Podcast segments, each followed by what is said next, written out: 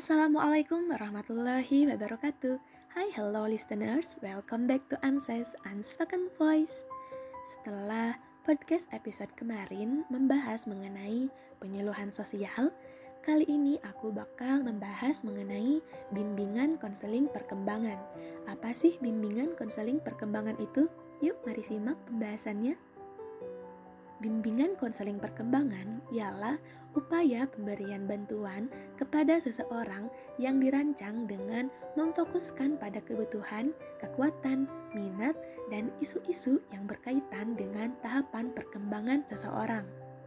Dalam pelaksanaan bimbingan konseling perkembangan bisa dilakukan oleh orang tua atau jika di lembaga pendidikan oleh guru, pembimbing, atau konselor.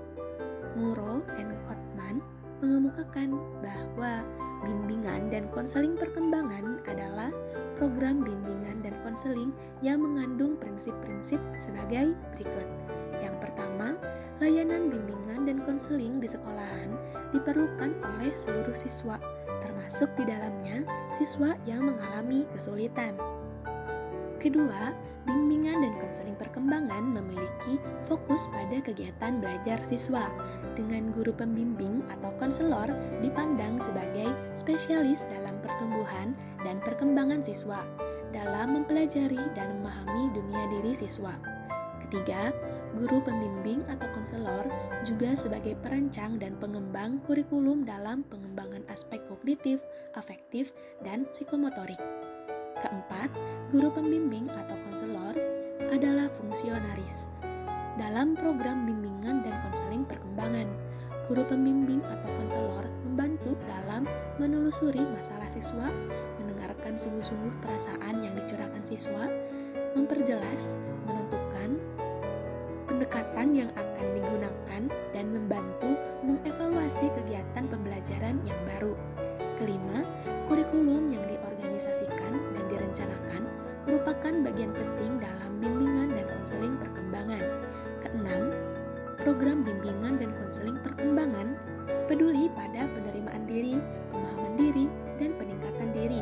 Kegiatan dalam bimbingan dan konseling perkembangan dirancang untuk membantu siswa mengetahui lebih banyak tentang dirinya, menerima dirinya, serta memahami kekuatan Ketujuh, bimbingan dan konseling perkembangan lebih peduli pada pengembangan yang terarah daripada akhir pengembangan yang definitif. Kedelapan, bimbingan dan konseling perkembangan yang berorientasi pada tim, menuntut pelayanan dari konselor profesional. Kesembilan, bimbingan dan konseling perkembangan peduli dengan identifikasi awal akan kebutuhan-kebutuhan khusus siswa. Kesepuluh, bimbingan dan konseling perkembangan peduli pada penerapan psikologi. 11. Bimbingan dan konseling perkembangan memiliki kerangka dasar psikologi anak, perkembangan anak, dan teori-teori belajar. Dan yang terakhir, bimbingan dan konseling perkembangan mempunyai sifat fleksibel dan sekuensial.